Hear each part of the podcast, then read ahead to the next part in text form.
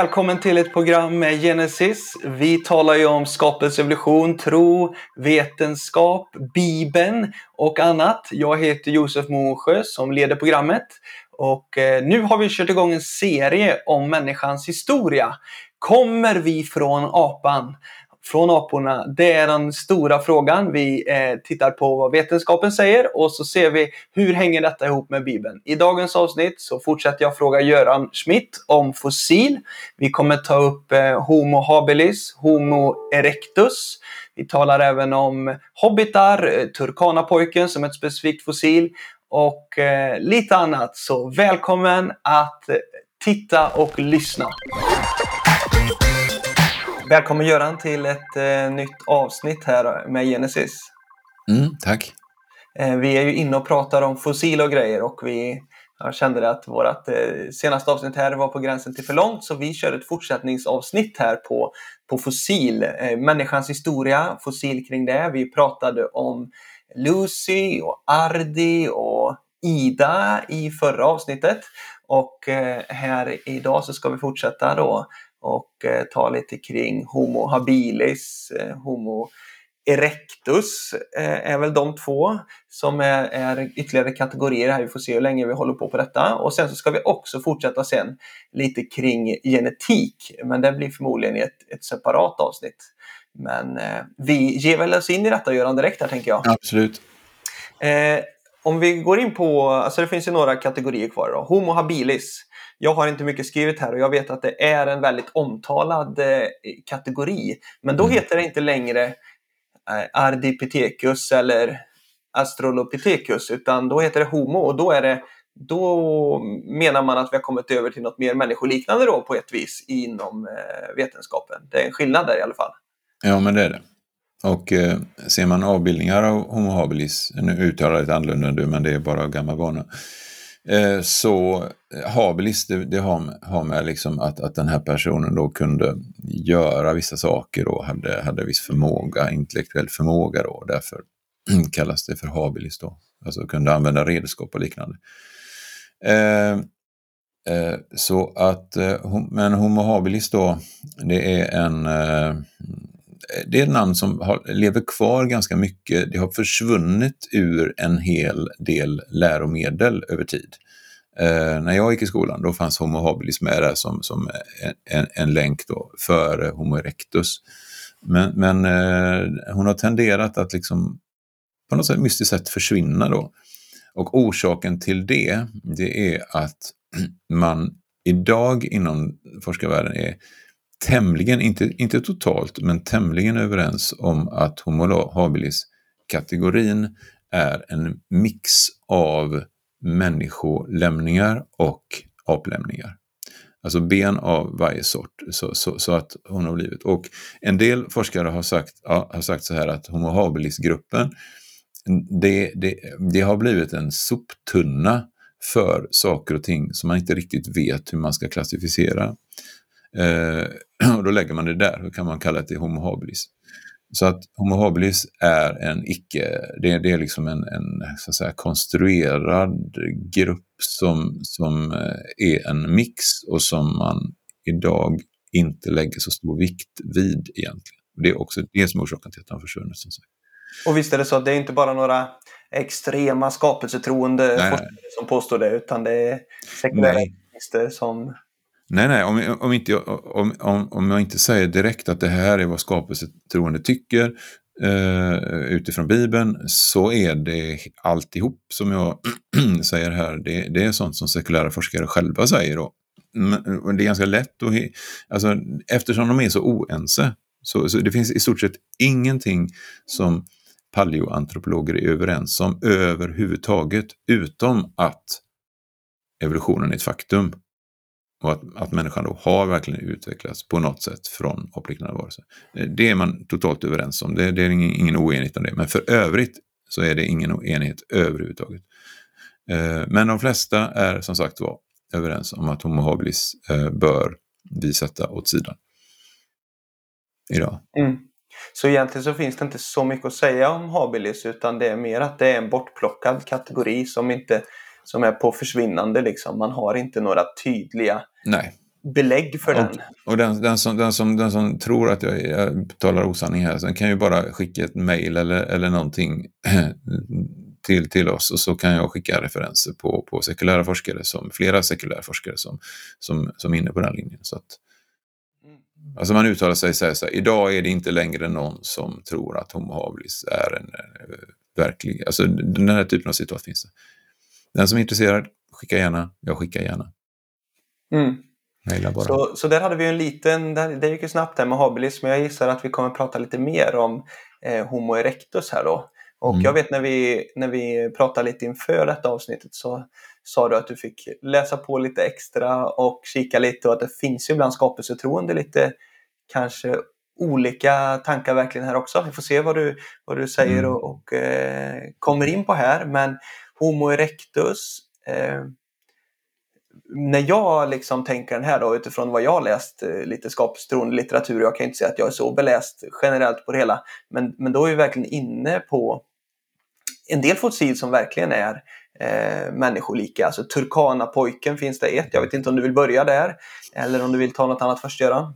Nej, nej men det, det, det, alltså, när det gäller eh, Homo erectus så, så eh, är, är, det så att eh, där finns det ganska många fynd över stora delar av eh, världen av, av, av de här. Eh, det, det, som kännetecknar Homo erectus det, det, är alltså ganska likartat det som, som gällde för neandertalmänniskan.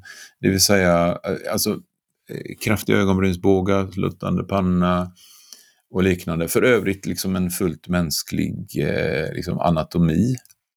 Men det är fortfarande distinkt från neandertalmänniskan då? Ja, alltså det, Ja, därför att neandertalmänniskan var ju ganska storväxt. Sådär, va? Homo erectus var, var, var väldigt liten, alltså jämföra med nutida pygméer ungefär. Va?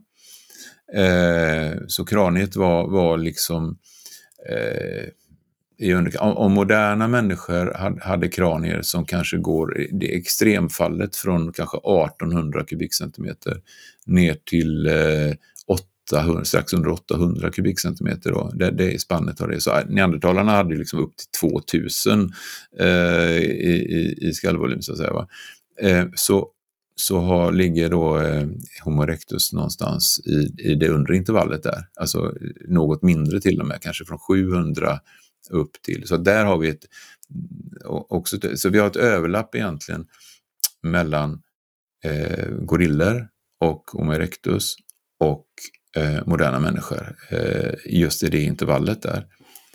Och, och även med eh, eh Homo Heidelberg, alltså Heidelberg-människan som, som, som också eh, finns med. Så där är ett intressant intervall. Då. Eh, generellt sett så är liksom, kan man säga så här, en, en, eh, en apa eller en människoapa har som regel i medeltal på något sätt så har, har, är människans eh, kranie då inklusive de här andra homovarianterna som vi har nämnt här, så är det ungefär en faktor 2 till 3 som skiljer. Alltså, mäns mänskligt kranium är ungefär 2 till 3 gånger större än vad Australopithecus och, och apor av olika slag har. Va? Så där är egentligen en stor skillnad. Men det finns ett överlapp som sagt var eh, i, i, i, extrema fall där. Och eh, ja, så det när det gäller anatomin. Annars så, eh, så att man, man känner igen de här så kallade primitiva dragen, de, de återfinns, det som kallas för primitiva drag, de återfinns ju idag till exempel hos eh, Australiens urinvånare, aboriginerna, eh, har alltså eh, erectus-liknande drag. Eh, de är inte ett dugg mindre intelligenta eller, eller begåvade än, än någon annan eh, liksom folkgrupp på jorden. Men de har tydliga erectusdrag i sin anatomi och det finns erectusdrag. Det fanns i neandertalmänniskorna, det fanns eh, i, eh, då i, eh, ja, det finns i, i jordens befolkning än idag, liksom, de, här drag, de här robusta dragen som vi tolkar som primitiva, vilket inte är. Och du pratade ju om det i neandertalavsnittet, att vad gäller neandertalarna så finns det ju kanske då skapelsetroende forskare som menar att det skulle kunna ha att göra med lång ålder. Är det, ja, kanske du inte har hört några sådana grejer här kring nej, Nej, inte, inte, på, inte på samma sätt, men, de här, men, men eh, det, det, skulle mycket väl kunna eh, finnas, det är en hypotes i alla fall, att, att det faktiskt de där dragen har med hög ålder att göra. Men nu finns det andra saker som i Homo erectus-fallet då, som, som gör att, att det kanske är rimligare ändå med andra förklaringar till, till deras anatomi. Man har hittat till exempel en människovariant som många har hört talas om som brukar kallas för hobbitar. Eh, ute på en ö i, eh, i eh, in, ja, vad heter det, Melanesien där som, som heter Flores eh, och eh, i Sydostasien. Eh, och där har man då hittat en väldigt, väldigt liten, liten människovariant eh, som då har just de här Homo erectus-dragen som, som då har, har Eh, klassificerats som Homo eh, floresiensis, homo, eh, från Flores då, alltså, Homo floresiensis, eh, som en erectus-variant. Då. Så att om, om, man säger så här, nutida pygméer eh, och även alltså småväxthet. Eh, småväxthet är någonting som eh, ofta uppstår när en population av människor isoleras och utsätts för, för eh, eh, alltså inavelseffekter. Eh, inavelseffekter slår ofta på, på storleken. Det är, det är så inom, inom djurriket. Alltså, om, om man tittar på vargstammen i Sverige så, så, så liksom Eh, Eh, jag frågade en vargforskare en gång i tiden om, om liksom hur man, så ser man liksom att svenska vargar liksom håller på att bli inavlade. Jo, det ser man på storleken framför allt, det slår först på det. Så att, så att, eh, och så är det även med mänskliga, mänskliga populationer. Eh, vad, vad, händer om man lever under väldigt kärva förhållanden i små populationer? Det kan ofta vara på det sättet att man, man, man får, förutom att man får då in, genetiska inavelseffekter, så får man även eh, ofta kanske vitaminbrist eller brist på näringsämnen. Eh, bland annat så, så jodbrist till exempel kan, kan leda då till, till att eh, eh något som kallas för kretinism, alltså att, att eh, man, man, får just mm, att, att kraniet blir deformerat och, och liksom det, det, märks verkligen på anatomin så att säga. Eh, så att eh, det finns flera orsaker som skulle kunna, just, just den, här, den här, att det påverkar även kranieformen och sånt där. Va? Så att eh, det, det är en möjlig och kanske högst trolig förklaring egentligen.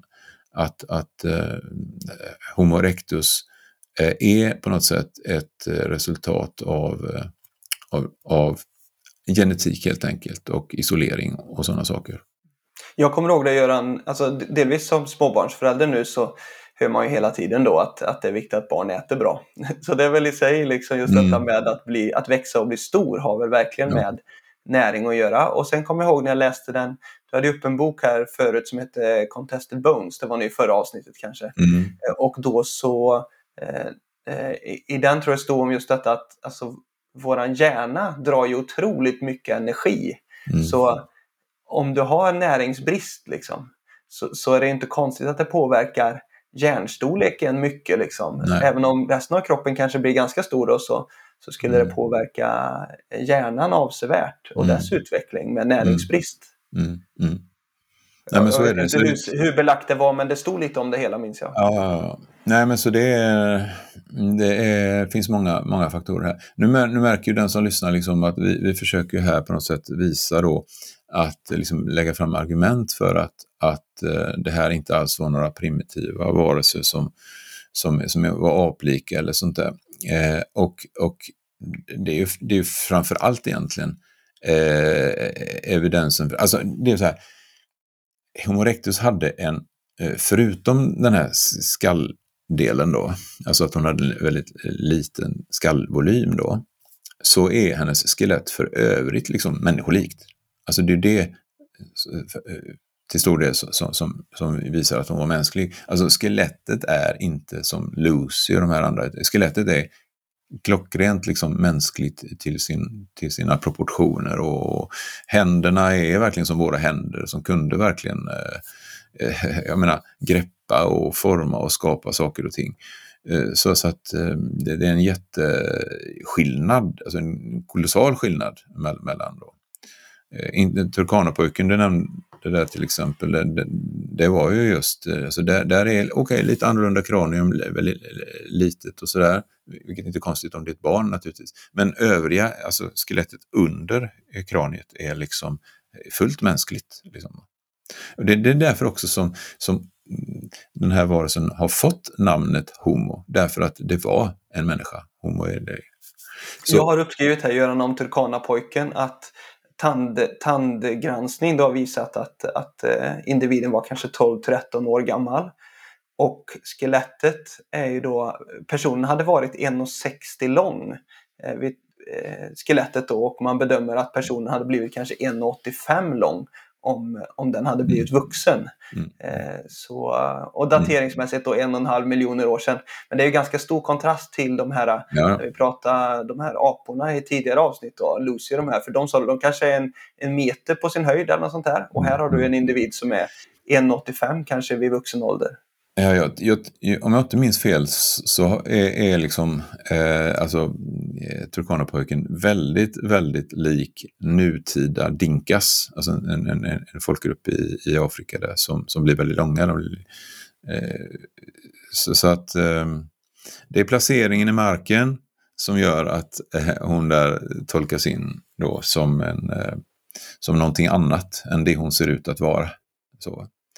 Sen, alltså, det, här, det här vad gäller anatomin. Anatomin är alltså tämligen mänsklig, men väldigt liten eh, och så att säga eh, grova drag då, va, på huvudet och, och så vidare. Men det framf och, framför allt så är det ju liksom hennes alltså, mm, alltså kultur, hennes, hennes levnadssätt, det är framför allt det som, som visar väldigt, väldigt tydligt att eh, Homo erectus var eh, människa. Det, det, om, om, man jämför med programmet när vi pratade om neandertalmänniskan då, jag, vi radade upp där en massa olika eh, liksom, egenskaper, så kan man säga att den listan är ungefär likadan för Homo erectus. Alltså, eh, smycken, eh, eh, alltså att, att, bygga konstruktioner, att eh, eh, kunna segla till och med.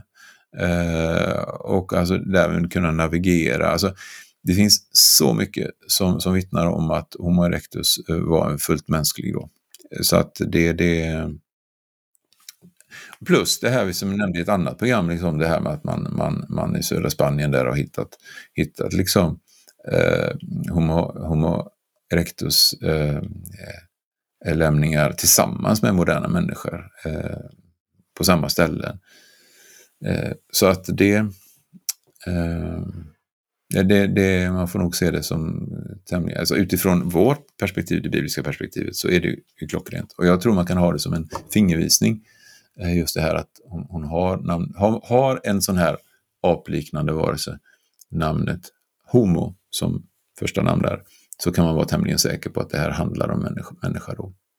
Eh, hittar man någonting med Pitekus i, eller Pite eller sånt där, ingen får ta illa upp i Norrland, men hittar man det, hittar man det så, så Pithecus betyder nämligen apa, va? Då, då är det som Australopithecus. Va?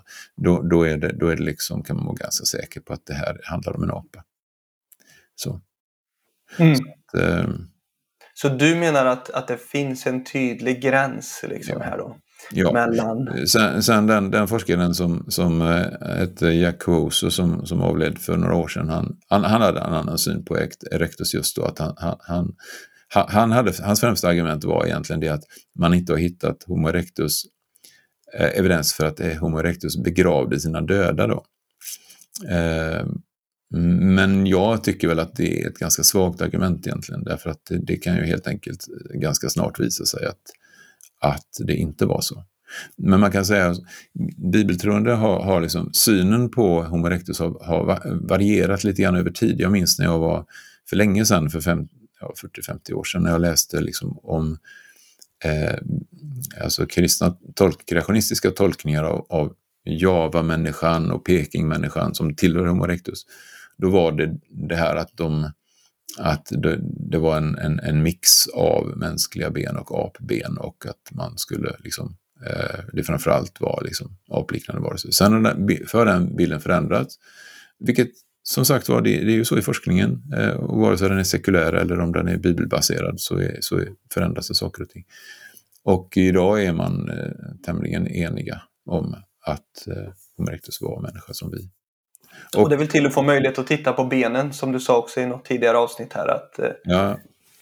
det ja. kanske man får i de här, det vet inte jag, men mm. eh, gällande Homo erectus och sådär. Men, men det vill till att, eh, mm. att allting läggs på bordet.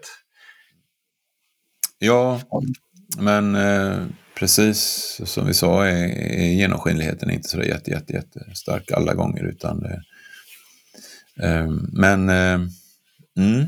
Vi får se vad som kommer fram om, eh, framöver. Det, det, det, ja, om, om, man, om, om, man, om lyssnaren väljer att eh, eh, tänka sig möjligheten att Homo erectus var, var, var mänsklig och sen, och sen läsa lite om henne, vad hon gjorde och tänkte så här, så, så kommer liksom bara den bilden att bekräftas skulle jag säga. Man behöver inte, inte vara så insatt, man bara, man bara googlar på Homo erectus eh, kultur eller någonting annat sådär. Och så kan man läsa själv om vad det står om Homo erectus och då kommer man inte längre att tveka. De, ja, det finns så mycket, det finns en lista på, ja, säkert 20 olika egenskaper som jag brukar visa upp när jag är ute och har föredrag om just Homo erectus. Och det finns även i den här boken Contested Bones, det finns säkert en lista över, eh, över vad heter det, över saker som, som Homo erectus har visat sig eh, kunna göra. Precis. Eh, eh, här är en fråga som jag har skrivit upp, eller som du har skrivit Göran. Hur, hur bör man tänka när nästa sån här rubrik kommer i media? För det kommer ju fortsätta komma eh, rubriker om olika fossil och grejer. Och, och, både de här vi har pratat om i detta avsnittet och i förra avsnittet. Mm. Och nya varianter kanske. Hur, hur bör man tänka då? Ja, alltså man, man, man kan väl säga så här all, egentligen inte bara kristna utan alla borde tänka så här, eh, luta sig tillbaka lite grann. Och då, då kommer man att se att de här fossila varelserna som vi har pratat om, eh, de kan liksom delas i tre kategorier egentligen. Dels så handlar det om fossila apor, eh, som somliga tämligen moderna och eh, andra utdöda som Adipithecus och Lucy. Och de här australopitecinerna. Eh, sen har vi då fossila människor. Vissa av modernt snitt, eh, sådär. Andra är utdöda. Det, det är liksom eh, eh de här med alltså delvis utdöda varianter så att säga, va? Eh, som, som vi inte hittar idag. Rena eh, utpräglade neandertalare finns inte idag, men dragen finns kvar. Och detsamma gäller Erectus, detsamma gäller Heidelbergmänniskan och detsamma gäller eh, Flores, Floresiensis då, eh, som bodde, ja, ni vet de här små. Eh, och så. Så, att, så, att, så är det. Och sen så finns det en soptunna med blandningar av det här. Då. Eh, där man då har blandat eh, eh, människoben och andra som eh, Homo habilis och eh, en som heter Australopithecus sediba också som vi inte har pratat om, men det behöver vi inte göra. Men, eh, men som alltså är i en sån där, ja, det är helt enkelt en blandning av både människa och apa helt enkelt. Så man kan luta sig tillbaka som sagt var och sen så kan man tänka så här, för att göra det lätt för sig. För det här, det här, de här programmen har ju varit liksom, åh, det är så mycket konstiga namn och grejer. Men man kan tänka så här.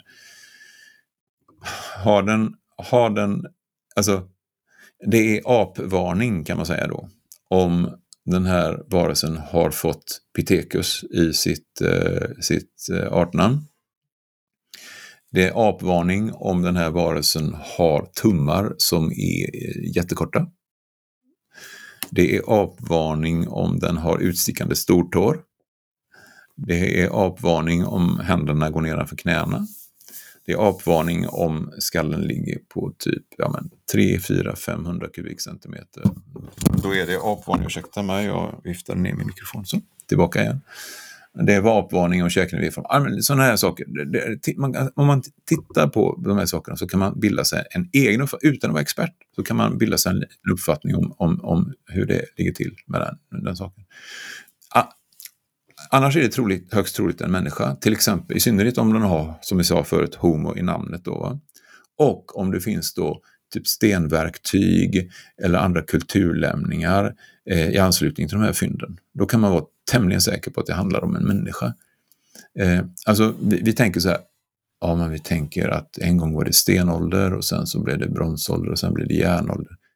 Det är en evolutionär tankekonstruktion därför att i praktiken så, så, så, så i praktiken har även sekulära forskare avfärdat den, den föreställningen därför att det, det är ju så att, att eh, eh, mm, det finns stenålder idag. Eh, folk som lever under stenålders eh, villkor och har stenåldersredskap idag, liksom stenyxor och liknande i andra delar av världen. Det har med kultur, det har med förutsättningarna att göra, inte med människans intelligens att göra då för att tillverka en sån här, jag har en, en sån här stenyxa liggandes som jag ärvde av min morbror. Jag kunde haft den med mig här men jag glömde den, ligger där borta. Bara så ni vet. Nej men den, den är liksom, eh, när man tittar på den så, så skulle jag direkt kunna säga att en sån här skulle jag aldrig kunna göra. Eh, det är alltså en sten, den, de, är, de är mejslade med en sån teknik. Den som skulle sätta sig ner och försöka göra en, en, en sån här primitiv stenyxa, den skulle märka att det här är, det här är, det här är verkligen någonting som kräver intelligens. Alltså. Det kräver dels händer som klarar av det naturligtvis, en hjärna som kan kontrollera händerna och motoriken. Det kräver dessutom förmåga att välja ut en viss, ett visst mineral, till exempel flinta eller, eller basalt eller vad man nu använder. Eh, kunna skilja det från andra, kunna bryta den malmen, kunna transportera den till andra områden och så vidare det kräver en industri och det, det fanns också, så det var ju liksom industrier som tillverkade de här skickliga hantverkare som tillverkade de här redskapen. Och allt det där, människa, människa, människa, människa. Så, så det eh, skulle jag säga är är ganska lätt. Då. Och sen, och, och sen, sen får man liksom vara medveten om att, att eh, att om, om man märker att det här är en varelse som till exempel har väldigt människolika fötter men för övrigt människolika drag, eller tvärtom, ja, men då är det förmodligen en mix av, av eh, bitar då. Av, av, av källa, alltså människa, apa. Precis, människolika fötter och aplika drag i övrigt, eller tvärtom. Ja, det, då är det antagligen precis vad det ser ut att vara. Att det är en mix, en ihopblandning. Och en, en, en, en, antropolog som, som har väldigt, väldigt eh, haft en stor, väldigt stor ambition att, att skapa en, en, mellanlänk. Då. Väldigt och, sällan hittar man kompletta fossil som är liksom enkla att sätta ihop. Och... Nej, nej, det är ju oftast enskilda tänder eller käkfragment eller sådär som man hittar. Den här turkanapojken som vi pratade om förut, det är verkligen ett sådant undantag som är ja, ett väldigt komplett eh, fossil. Ja, och Lucy likadant då. Va? Men, men det handlar ändå bara om kanske 30-40 procent av, av, benen som man hittade. Ingenting av kraniet till exempel på henne och inga fötter och inga knän eh, och, och sånt, sånt där va? Som, som man kunde använt som eh, evidens. Och det finns tecken som tyder på att, att också det är en mix faktiskt. Alltså själva Lucy, eh, det skelettet, är, är en blandning. För att den, till exempel halskotan på Lucy är, är liksom, har visat sig vara från en babian Eh, Eh, och, och det finns också forskare som är, är har, har vissa, vissa tveksamheter om, kring bäckenbenet och sånt där, om det var kanske rent av ett mänsk, en, en, en, alltså en pygmé. Eh, från, så. så det finns lite sådana tveksamheter där. Va? Men e, en sista grej där, alltså, eh, som man kan vara vaksam över och tänka, om det här fossilfyndet visar att nu måste människans alltså, his, evolutionära historia skrivas om, eh, då vet man att det här är en tydlig indikation på att på det kaos som verkligen råder då.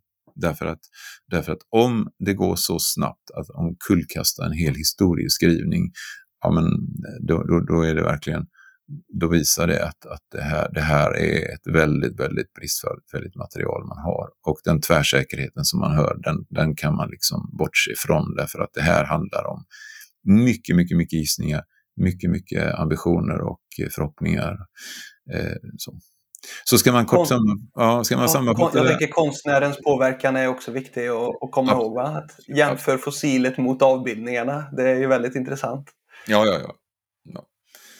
Nej, så att eh, man ska sammanfatta hela det här så, så kan man väl säga att det, för det första är det väldigt extremt liksom, eh, tunt evidensmaterial som man har att utgå från och det leder till att det blir väldigt stort utrymme för eh, subjektiva tolkningar alltså, eh, av, av, evidensen utifrån vilken, vilka förväntningar man har. Eh, två, det är som sagt var eh, oenighet bland sekulärforskare om praktiskt taget allting utom just att människan har utvecklats från apor på något sätt till nu, nutida människor. Eh, det finns tre kategorier. Människor, apor och soptunnor med blandningar av båda där. Och för det fjärde, det viktigaste, det är liksom att ja men, ja men Bibeln är faktiskt trovärdig. Eh, evolutionsteorin, eh, inte minst när det gäller människans evolution, läcker som ett såll verkligen. Så jag skulle uppmana dig som är, är kristen, låt, låt dig inte luras av kristna ledare som, som på något sätt valt att li, lita på den sekulära vetenskapen i de här frågorna. Som tyvärr liksom, eh, sker så ofta idag. Eh, det är kända apologeter, jag ska inte nämna några namn då, men som, som verkligen, verkligen köper det evolutionära konceptet på det här sättet. Då, som inte vet om de här sakerna som vi har pratat om. De vet inte om hur, hur bräckligt det här materialet är, utan de litar på att Heidelbergmannen, det var, eh, Adam var en representant från Heidelbergmänniskan. Eh, så. Sen utvecklades hon till neandertal, och sen till människa, moderna människa. Ja, men, man lever i den föreställningen. Läs på, läs om. Eh, läs inte bara evolutionärt material, präglat material, läs även Eh, eh litteratur eh, skriven av, av, av kristna personer med en kritisk syn på det här området. För utan en kritisk syn på det här så kommer man att kastas hit och dit utan att landa någonstans. Så, det, så att, eh, att bygga sin, sin liksom teologi på apmänniska, det själv, jag menar, på den grunden som, som, som vi har pratat om här idag, så är det självklart att den teologin kommer att vackla så, så, att, så att det är bara en uppmaning, gå inte på det, utan förhåll dig kritiskt till det här, precis som till allting annat. Eh, och köp det inte utan att, att liksom ha satt det in och sett, hört båda sidor av, av diskussionen.